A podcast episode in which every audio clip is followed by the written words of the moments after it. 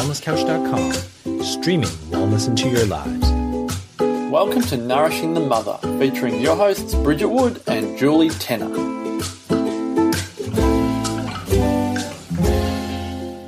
Hello and welcome to Nourishing the Mother.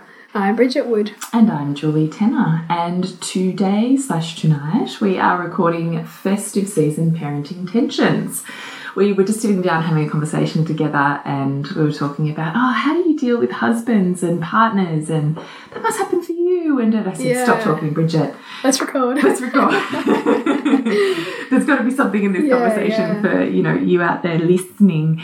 So we just want to remind you to jump onto nourishingthemother.com.au before we dive into this and join up to, um, well, sign up to join our tribe, which once, once a week we send you an email with all of our uh, links and blurbs for everything we've put out in the world so you can pick and choose where you'd love to dive deeper. And occasionally we send you a second love letter email where we just talk about something we're loving on, something that's happened that's been incredible in our week or something we'd really love to share with you. So please jump on to nourishingthemother.com.au and sign up to join our tribe.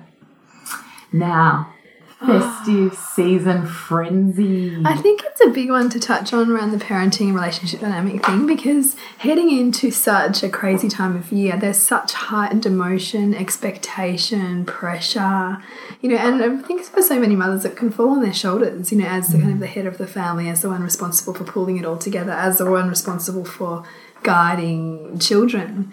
And I certainly am feeling it with my son. Probably this is the first time that Christmas has been like the bee's knees. You know, he's four and a hmm. half, nearly five, and he's been talking about Christmas for months. You know, now it's you know about ten times a day now. It's a question of how many sleeps for Christmas, and hmm. you know, and you can sense the excitement and the and the mystery for him and you know I'm really wanting to nurture that spirit. But you know some days like today I was kind of taken to my edge in terms of how to you know create space for his wonderment and excitement at the same time as you know not letting it get out of control and and, and mm-hmm. giving it a boundary as well. Mm-hmm. Because he's, he's almost looking for that. And so I think some people other mothers might find that too in their kids that they're almost looking for a safe space in which to let go of all of the big feelings that mm. come up around this time of year because there's so mm. many unknowns for kids and there's so much i guess cultural undertones around the good the bad the you know the family members and the not kind of knowing how they fit into social situations and family situations. There's so much that little bodies are kind of dealing with at this time of year i think mm.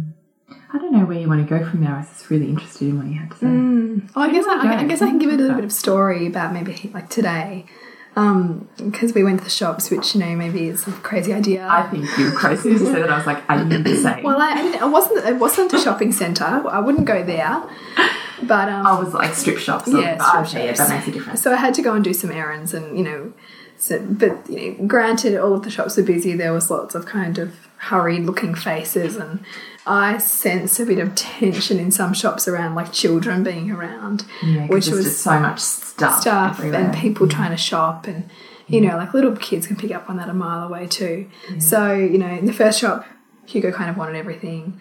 The next shop was the post office and he also found a whole bunch of stuff that he wanted but recognized he wasn't going to get it but was still thinking ahead about when he might be able to get it because it wouldn't be this christmas but maybe another christmas you know and so then, you know, by the time we walked further down the street, then we stopped and got some lunch, and he completely melted down, threw himself on the ground because it wasn't the lunch that he wanted. And we moved through that and found balance again. Then we went to Target and he wanted to look at the Lego. And I said, no, we need to get moving. So then he threw himself on the ground in Target. Again, you know, moved through it all. Got out into the shopping centre. This is like, it was a little shopping centre. And he threw himself on the ground there. And we picked it all up and kept moving. And But by then, like, I held an enormous amount of space, but I could still feel my nervous system rattled, right? Because even if I'm like present with it, even if I'm holding space, I can still feel like the people around me perhaps being really challenged by it and just me knowing that I'm hitting my own edges and breaking past them, you know, mm. because you can sense that that kind of two people on your shoulder, like the, Yeah. the, the, the, the kind of primal programming from our own childhood that's wanting to almost punish or mm. run away, and then like the prefrontal cortex kind of wiser brain coming on going, no, this is about pent up feelings. This needs to come out. It's safe for him to release his stuff. So how did you do that in a busy shopping centre? What does that look like? getting down at his level a lot of the time and saying and going repeating back to him what I hear him saying. You know, so to make him feel heard because there's like, you know, the desperation in his voice kind of wanting to Mm. So get me to see there. something. So he was saying that he wanted to look at the Lego. And so I got down and looked him in the eye because his eyes are darting everywhere at this point. So he's really not even in his his body. body. He's not in his body at all. And so I'm like, I really hear you want to look at the Lego, but we're not going to look at it right now. I said, Can you look at me? Can you listen to me saying this to you? We're not going to get it right now. We're going to pay for this and we are going to go. You know, and, and again, like him, him not being okay with that and, and so me, me sort of repeating it back to him and mm. giving him a sense that he's, that he's being feeling heard, but at the same time, this is my limit. Mm. And eventually I had to actually pick him up and carry him out of the shop, you know, and I realised afterward that I'd left something there, which is so annoying. But anyway, it happens, right? When, when, when everything just goes, Yeah, you know, yeah. you just focus on that. And so again, it was just continuing to try and maintain that eye contact with him, trying to get him to connect into his body, to find his breath again, recognise that he was feeling out of balance right now. Some bits and pieces like that I kept trying to go back into him with. Um, and it was somewhat successful by the end of it, and he'd come back into himself again. But man, like it's taxing. it's deeply taxing.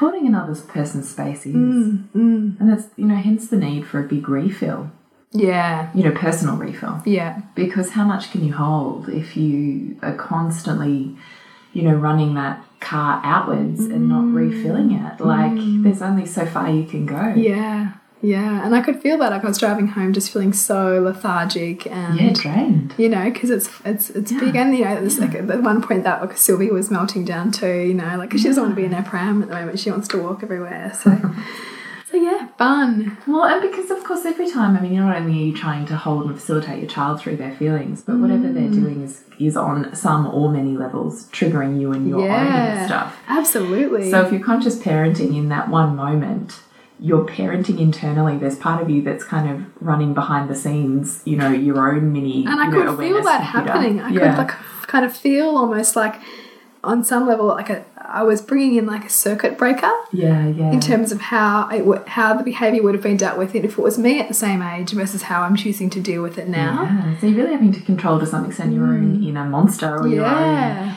you know, healing your own capacity to want to just, you know, lash out or do or, you know, I mean, that's huge. That kind of background computer work is Yeah, huge. know? yeah. And I, and I, it's funny because it doesn't matter how much you know, in inverted commas, we are still so much, um, you know, at, mer- the mercy of so often that earlier programming, mm. and and our kids will keep bringing that to us at every age. You know, you were talking, you and I were mm. talking like.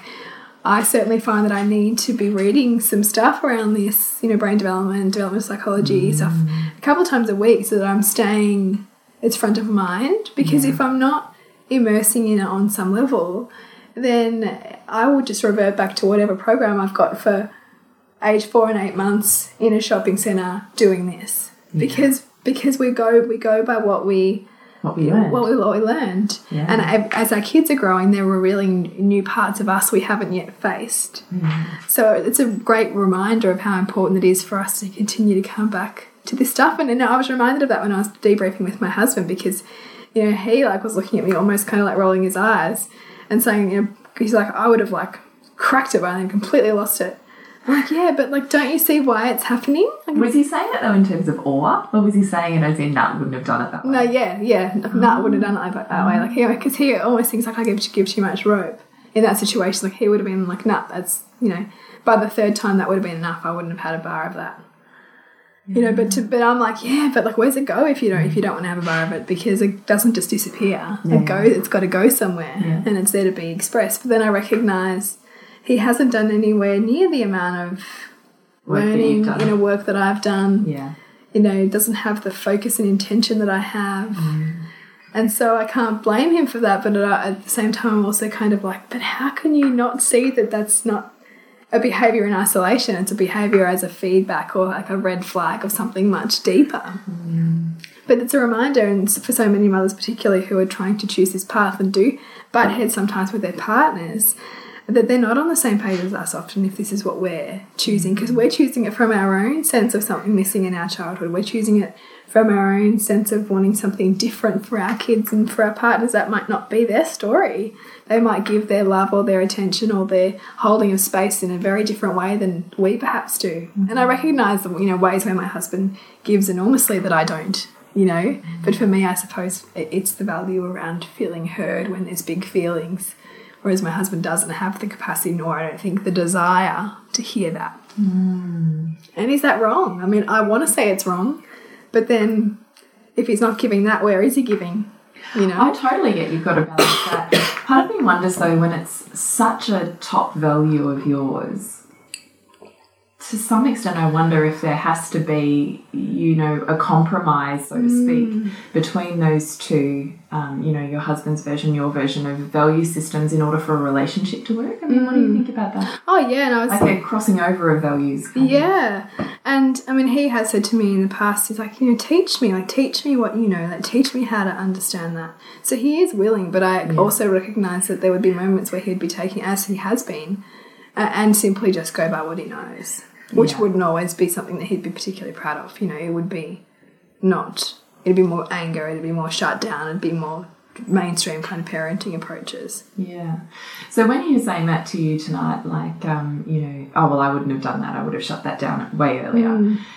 Do you feel in your body like there's a level of he's already triggered hearing you talk about Yeah, it? Yeah, okay. So he's yeah. not even in the moment. Like, he's already, just by hearing you talk about it, Yeah. in that trigger. Yeah. Which, in and of itself, is actually quite genius, right? Mm. Because you're almost like just teasing your way into, Into. that trigger. Yeah, Like. It's, it's really quite extraordinary, really, if you think about it. Well, I mean, I've seen because there's only been ever one time, and everyone comments on his incredible patience, and he is enormously patient. But it's like you know, you push someone so far and the switch flicks because I don't think he's particularly good at boundaries. Mm. Because, you know, we, we talk a lot about boundaries and learning our boundaries, and perhaps some of the reasons why I'm able to hold space as well as I do is because I know where my boundaries are, and I try mm. to set them before I completely lose myself. Whereas I think he gives and gives and gives because he thinks he should, Yeah, and he's lost that's him- what a good dad does. yeah, because that's what a good dad does. And Yeah. then he gets pushed that little bit too far and has lost it, gone completely offline, which has happened once before and I've seen it and it was awful. Mm. Um, but it has also opened up a lot of opportunity for conversation and mm. for him to reflect on his relationship with his father and what he does and doesn't want his mm. relationship with his with our son and daughter. So sometimes those edges that we find ourselves in really kind of call us to reflect and reset and choose what, what we want to kind of go forward with. And so I think that there's an ongoing conversation because the funny thing is like he wouldn't have that same attitude if we're talking about a baby or a toddler. So on some level, I also see him perhaps seeing at, you know, for nearly five or whatever, you should be out of that stage now, or that mm. you should be more grown up than that, mm. without recognizing that he's still really a little child What age did his dad leave? when he was seven. Mm. And I'm and I'm very interested to see what comes up then because that will be But were there rifts in the marriage before? yeah, lots of like fighting and challenge. I think. And had dad, in inverted commas, kind of left the marriage pre actually physically leaving?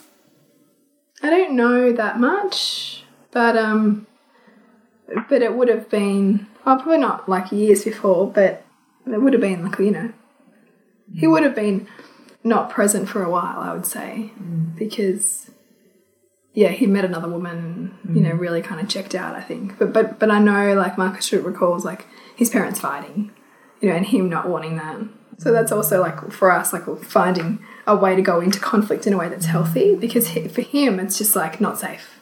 Conflict is not safe because that's what he, you know, learns. So his so his way is just to continue to do acts of service, acts of service, acts of service to avoid conflict. Yeah, just keep pleasing. Yeah, which is you know it almost Which is work- that classic, you know, I'm willing to give up part of me in order to hold on to you. Yeah, Yeah, yeah. which is what he would have played out, you know, in his childhood as well with his mm, parents. Mm.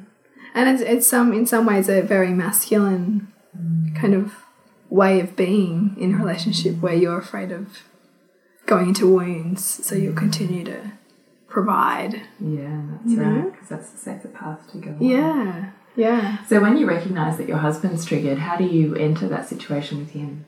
Do Mm. you hold space for him, or you just leave it. Well, I, I mean, it if it's a if it's a dynamic in which like the kids are involved, I I find it hard to hold his space and theirs. Like that's really difficult.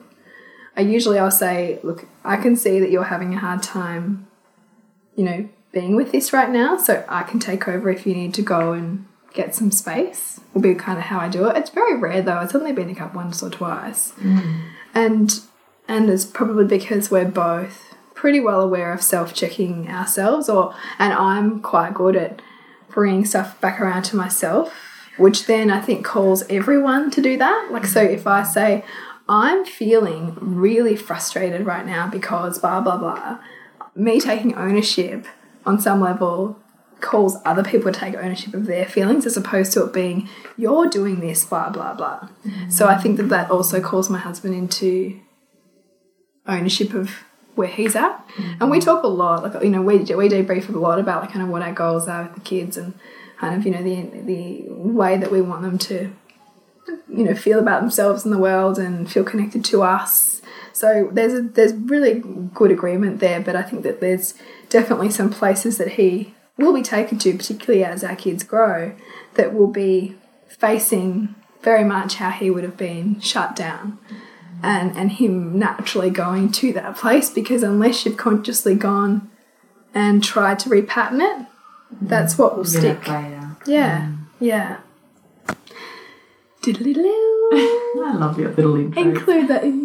Consider that Segues. intro, little segue.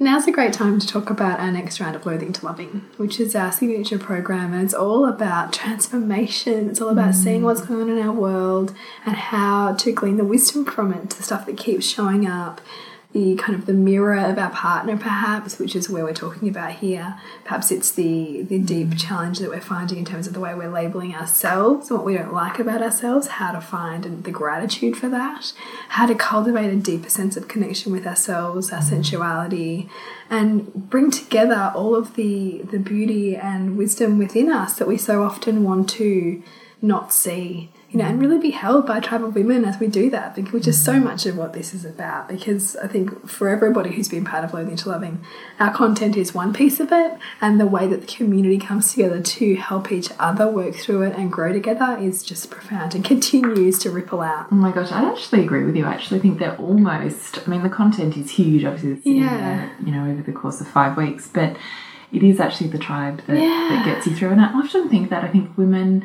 You know what it's like? We just break through shit when we're in this group of incredible, you know, being held by Mm. Yeah. another woman or women. Like we all break through. And and I mean, so much of what we teach is really it's a paradigm shift, Mm. and and you need other people on that same wavelength with you so that you're Mm. able to integrate into your life and continually coming back to that.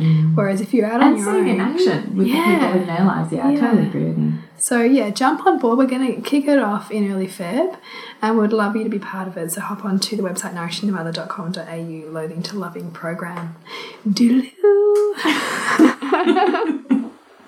And I think it's really relevant to be talking about this stuff that we find perhaps a rub with our partner or those closest to us around this time of year because it is a bit of a melting pot of, of togetherness so often when we're at home and you know perhaps people are kind of coming down off a massive year of work or they're really desiring a certain kind of outcome for their break and whatever has been festering through the year will likely turn up in this this holiday season for us to see and look at and work through I love that. Do you remember when you went on your holiday? I think it was to Bali, and you wrote a blog post about you know you can't you can't take a holiday from yourself, or it yeah, something. well, it's- like wherever you go, there you are. yeah, right. Yeah, it was, I think there was a So, more that- eloquent line. and if you that. have like a fantasy around this beautiful, peaceful family holiday, then you're going to be slapped in the face with a nightmare, right? Like whatever you needs to be worked through will be will present itself. And that's part of why I thought it was really important that we did this topic this week, Mm. is because we probably need a few extra toolkits to get us through perhaps the intensity we may not even be aware that we're about to face. Yeah. By virtue of having perhaps our partner or our family in our intimate space Mm. for an extended period of time. And that can seem amazing, and then the reality of that can be something else. Mm. So we just thought, let's just, you know, What's that? Something forewarned? What's that for? Something forewarned? Okay. I don't know. Okay. But, let, but let's just, you know, let's Let's kind of flag it for ourselves, shall we? That's a less eloquent way of putting it. I knew where you were going, but I can't. I couldn't think can't, of my it. mum used to say it all the time. Now I can't think what it is. Anyway, when you go, it'll come to me later. Um, so I just thought there's probably a few things. I think there's probably, you know, having the, the uh, extra parent in the in the mm. life of your children. Perhaps if you have the main control, so to speak, over how your children are raised, mm-hmm. it can seem like, oh yay, an extra set of hands, but often it can be. Holy fuck, what is going on? here? Yeah, I would not have dealt with it that way, you know? Yeah, and there's clashes. You know, I think mm. it's you've got different values. You like to your version of family time might be different. Your version of mm. downtime might be different. Mm. I was out to coffee with a group of mums today, and they were all talking about that. How mm. we actually started um, talking about screens, and then they were like, "Yeah, but that's what my husband likes. He wants to get home and he wants to." Put the TV on, so we give each of the kids an iPad, and he'll sit down and put his earphones in, and that's his downtime. Or all he wants to do is, you know, da da da. And they were all like, "Oh, just not. That's not what I want." you know. Yeah, right. thought this is hard. Like Yeah. this change of perhaps the intensity you want to parent with, the consciousness you want to parent Mm. with, or even the practical way that you do things. Mm. And all of it, I think, is a bit of a soup. So some of it will be highlighting growth for ourselves because it's a mirror. Whatever Yeah. we're being irritated at them for is really what we're not owning in ourselves. That's right. And I think it's also a way of stepping up in your relationship, mm. of stepping up in your sense of self and mm-hmm. autonomy in this world. Mm-hmm.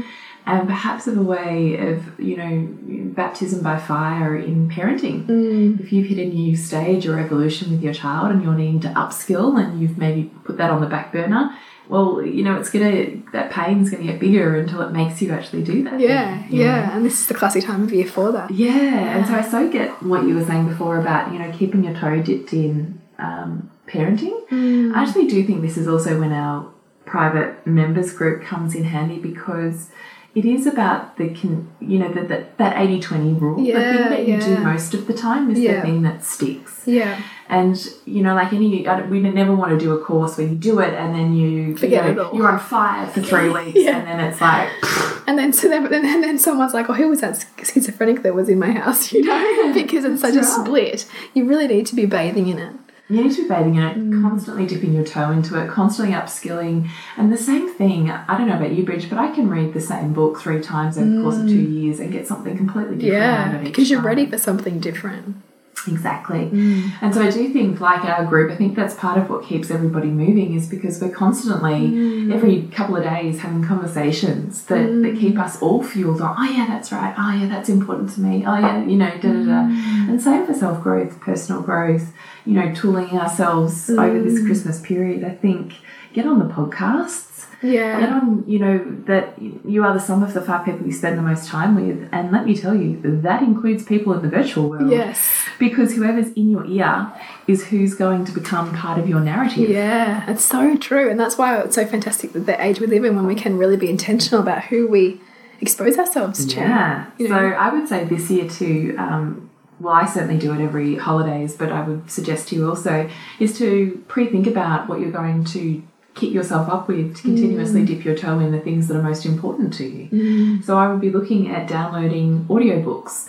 Ordering books online that you know you're going to want to read, Mm. jumping onto forums or groups, or signing up to, you know, instead of maybe, you know, the commercial Christmas present, having a course that you want to sign up for that you really love to invest something of yourself Yeah. into or into your family. Like I think start thinking about what are the things you can start Mm. to put into momentum that, you know, really have you sitting in your top value, Yeah. I would say. and, and honoring yourself for choosing that too because i think so often um, if you are on this conscious parenting path sometimes it can feel like you know why do i bother when you know i'm surrounded by a world where where no one else cares about this stuff or you know that that that you know these kids turn out all right but is, is that what you want? You, you we on some level really need to to accept sometimes the the inspiration within even when we don't want to. Mm. You know to really kind of say to our inner light which might be beaming towards a certain direction for us to say to that light i will listen and i will honor you. And i mm. even when maybe the rest of the world doesn't mm. because that's what we're being called to and it's a lot harder to honor that voice within and honor that light within when it doesn't perhaps conform to what perhaps the rest of the world around you is doing. But I think that's also all the more important to listen to it because it's there with a message not only for you but for all the ripples it's going to create around you. Mm. And your top value is always part of your genius. Yeah, And your service it's an as well. expression of Yeah, that. yeah, yeah. I think always follow it. Um, so part of my like you bridge, part of my toolkit for this Christmas would be pre-think about what you're going to have around you to continuously dip your toe in, just to keep you on path, to keep you centered, and to remind you perhaps of the consciousness that you would really like to hold for yourself and your family. And I think really think about perhaps what what may come up um, for your children, or, or what what kind of what what evidence is showing up now of of what could be something that you'll be facing around that time of year. Mm-hmm. So you know, I, I know, for instance, that there's likely to be big. Big feelings and big meltdowns post Christmas mm. because of the incredible excitement. Um, and you know, a really mainstream attitude would be, oh, you know, look how ungrateful you are. You know, didn't look at you know, you got mm. all these things and you're not even happy about it. And that shows a real lack of understanding of our psyche and of children's emotions. And so, if we really want to come at it with a different way, then we need to think carefully around the people that are around us. Perhaps it's our partner, and we need to talk to them about this is what I see might happen. I'd really like you to be able to recognize what's going on with our child and see it not as a problem with the behavior, but simply the feelings that they've got being okay and mm. us allowing an outlet for those feelings. Mm. You know, that even happened for us just on the weekend just gone. Both my kids just cried for about two hours after a family Christmas event. And I knew it was going to happen. You know, my, my husband wasn't in this in the headspace to to listen to it, so he kind of watched the cricket, and I dealt with it, and I was totally fine with that. And we had like you know kind of an unspoken agreement that that was how it was going to go. And I think when you prepare yourself for those things and know that around this time of year, our kids often do need quite a bit more space to allow the feelings to come out, then then there can be more more room for harmony too once once those feelings have been allowed to move. I totally agree with you. I'm not sure about the unspoken agreement thing though. Well, I think I think in I wouldn't intend to have an unspoken agreement, but Oh, because it caught you unawares. Caught me unawares. Ah, Yeah, yeah, yeah, yeah, yeah. But I would intend to talk about it. Yeah, okay, You know? yeah. So now I get where your Yeah, wisdom's coming from. yeah. yeah but in, okay, in hindsight, I could see that he knew I had it, and I knew he was doing his thing. Yeah. But because because that leaves so many room, so much room for grey and misunderstanding. Yeah, that's it's, it's to better say, to have yeah. that conversation up front and, and say, look, I think this is how it might go. Yeah. Um, I would really appreciate if you could support me in blah, perhaps, whatever that looks like. Yeah. What would you say? No, I was about to say I totally agree. I think, you know, uh, I think one of the biggest pitfalls of relationships is unspoken agreements mm. or assumed knowledge. Yeah. Don't ever assume mm. is what I've learned from a long term monogamous relationship. Mm. I think assumptions lead us um, into probably some of our darkest hours. Yeah. because we assume anyone in their right mind would think that or know that or do that and in actual fact it's it's we're looking we're two completely different people looking at the world through two completely Yeah. different filters through two completely different upbringings we will literally never see And it's so reality the same important to constantly remind ourselves of that. Because Never going to see it the same Yeah, way, never. Mm. ever. Even when we so very badly want to be right, Mm-hmm. they will never ever see it that way. Yeah. And I think that was, you know, probably one of the biggest realizations for me. Um, I don't know, probably halfway through our marriage, that then made me realize I had to get really super clear on my communication. Mm. And in actual fact, his misunderstanding was my faux pas in not being clear. Yeah. Yeah. So, as much as he wasn't willing to listen beyond the superficial, Mm. I wasn't willing to explain beyond the fi- superficial mm. either. So, we were both sitting in our comfort slash discomfort levels Yeah. and wanting it to be the other person's fault. You know what I mean? Mm. yeah, totally. Yeah. So, I think assumed knowledge should never be the case. I think the way to really workshop potential issues is to talk about them and talk mm. about them as explicitly, as minutely, um, and as clearly as you possibly can, so that there is nothing left to assumption. Yeah. I think there should never be anything left to assumption. Even when I think, no, I don't need to talk about that detail, I have to remind myself, no, rewind, hang on a minute, I just need to go back to this to make sure we're on the same page. And nearly 100% of the time, even if it seems like a ridiculous thing, my husband will smile and go, Good, thanks. because now there's no assumed knowledge. Yeah. Yeah. Now, he doesn't have to make a, any sort of quantum leap. Mm. He doesn't have to fall short of my mm. expectations. And he gets to show up for me in a way that he knows is going to please me. Mm. It's how to create a win win, not a win lose. A win-win. Yeah. so I would also say get minute in your conversations. And the Queen's Code, like we, I know we always talk about, that is a great book for Yeah, it getting your head around what this looks like in practice. Yes, how to communicate to the masculine, I think. Um, I also, you know, I have so many conversations with my friends at the moment around communicating with husbands, and I realize that just like puberty and sexuality, it's never the one conversation, mm. it's the many seemingly pointless conversations that mm. stack one upon the other mm. that actually have the lasting impact.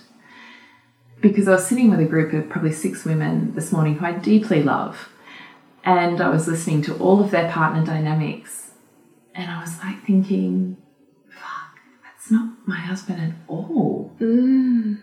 And in the end, you know, they're all talking about it, I'm going, whoa, you know, I really want to sit here and go, you know, yeah.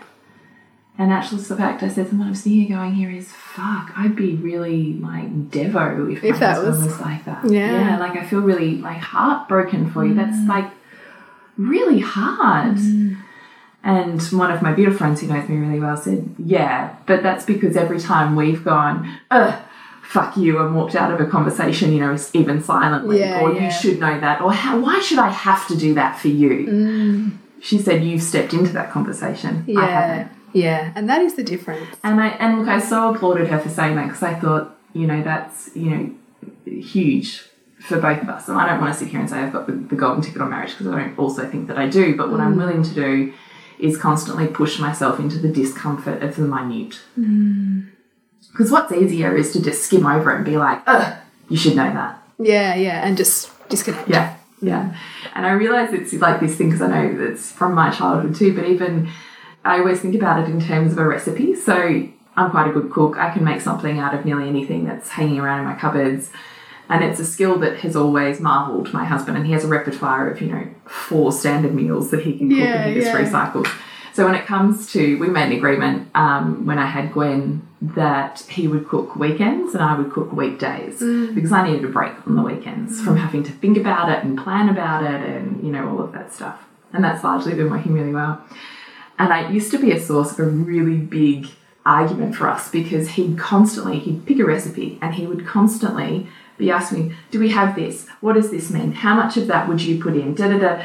And I would sit there and I'd go, "You're fucking shitting me! I would have cooked this, and I would have saved us all of this." Yeah, and yeah, instead, I'm sitting here having this conversation. This is supposed to be my time, and instead, I'm having a conversation with you about how to cook something that I can just do and not have this conversation with you about. like, this is it. madness. Yeah. Yeah. Yeah. And I think we had this conversation about this one this one topic. I don't know. So many conversations it actually now makes me laugh. Makes him laugh now too.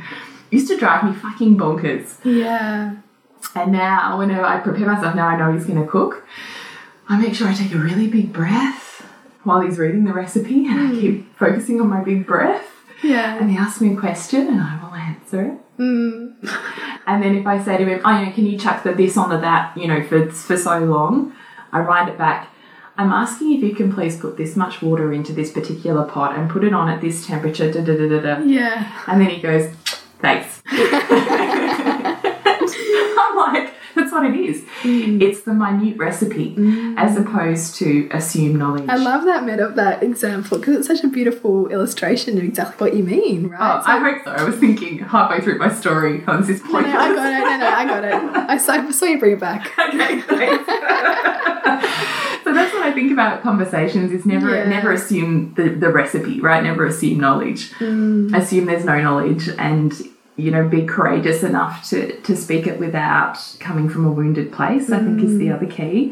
To speak it in a place of, of, of vulnerable strength and autonomy Mm. rather than neediness, I suppose.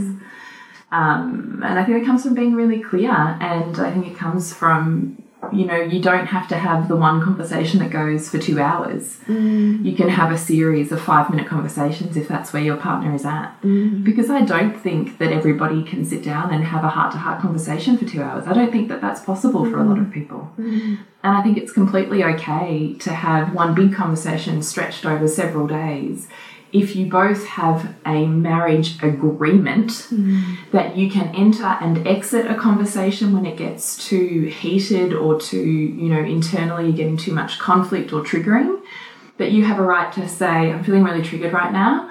I'm going away, but I will be back at this time, or I hmm. will come back to you when. Hmm. As long as you give up, I'm coming back to you, I think that's fine. I hmm. don't necessarily expect that we have to have, if it's a really big trigger or topic, that things sorted in the one conversation. Hmm.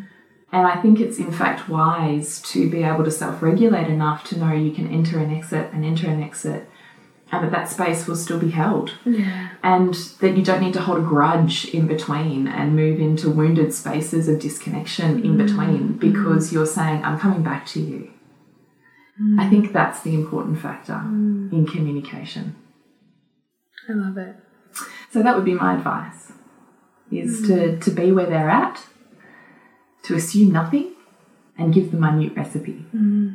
And have the willingness and the emotional vulnerability to know that it's safe for either one of you to leave and come back, knowing you're coming back to each other because you've already had a minute conversation about your capacity and your agreement to come back to each other. like it's the stacking of conversations, it's not the one big one.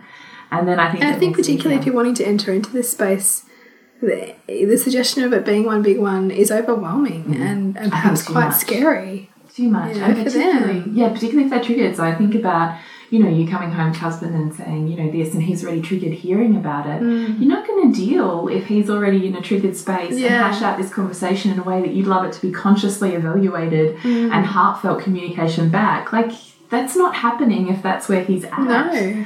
And so it's the gentle stacking of many Mm. conversations. And that's also why all is not lost, even when there is a trigger, right? Because because the trigger is also the the that's the first step, right? That's that's what brings awareness too, and we and we mm. always know awareness is the first step towards transformation. Mm. And so it may be that you enter into a conversation where there are you know perhaps triggers every time until you get below that and understand why. And that might be a number of conversations, mm-hmm. but it's just making that safe mm-hmm. and finding within within yourself the courage to step into the trigger, knowing that they're triggered and you're triggered, and it, and it is a dis- an uncomfortable place, but it's an uncomfortable place because it's calling you there. Yeah, exactly.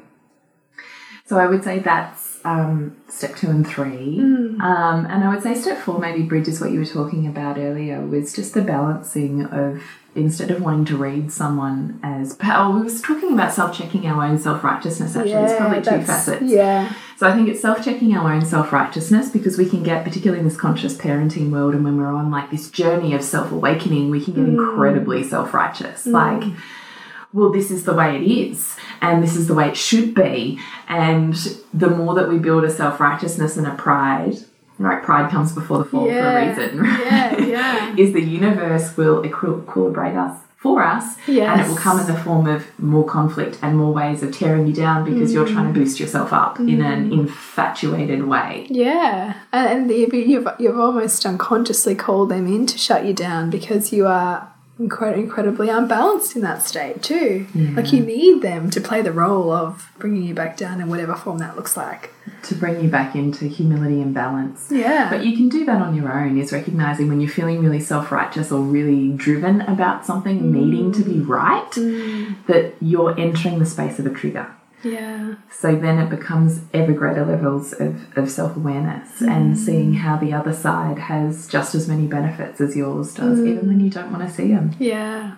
And when you don't want to see them, you know that you're in that, that state of Yes. kind of self righteousness, really, when you're resistant to looking. Yes. Um, you know, you're kind of like the little, kid stomping their foot, wanting to be right, and not, you know, really sort of s- saying that without saying it. It's my way or the highway kind of approach. Yeah. Um, there's much more growth that comes, and much more, I guess, cooperation and communication and intimacy that comes when we can start to try and find the benefit to what we're seeing is wrong about their way of doing things.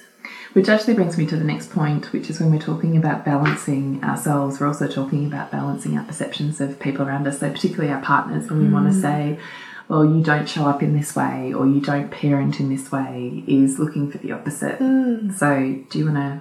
Yeah, mm-hmm. so perhaps you know, I definitely see that I hold space through emotional triggers, and perhaps better than my husband does. Like you know, so I can sit with the big tears for a long time, and can kind of hold the anger generally. But but there's but there's times when he can sit and play in an engaged way and really bring an enormous amount of generosity of spirit to his engagement with our kids in where whereas sometimes I just cannot find that at all. Like he seems to have that on tap, whereas I know I don't. So for every time that I think that I hold space perhaps better in inverted commas, I am looking for examples where he also brings that to his relationship with them, but in his own unique form. Because we are mm. both bringing it just in our own different ways to our to our kids. And the more that we can start to look for evidence that they are also bringing their own unique flavor and consciousness and connection, we we limit and kind of calm down that triggered response within us that wants to make us right and them wrong. And we're then able to enter into a more cooperative and loving dialogue about what we're wanting to feel heard around and feel, you know, find resolution on. Ah, so eloquently said, Bridget. I loved it. Yeah, Thanks. I totally agree with that. Mm. And I think the more we can can do that, the more compassion and heartfelt opening we- Yeah. produce. Yeah, Yeah. absolutely.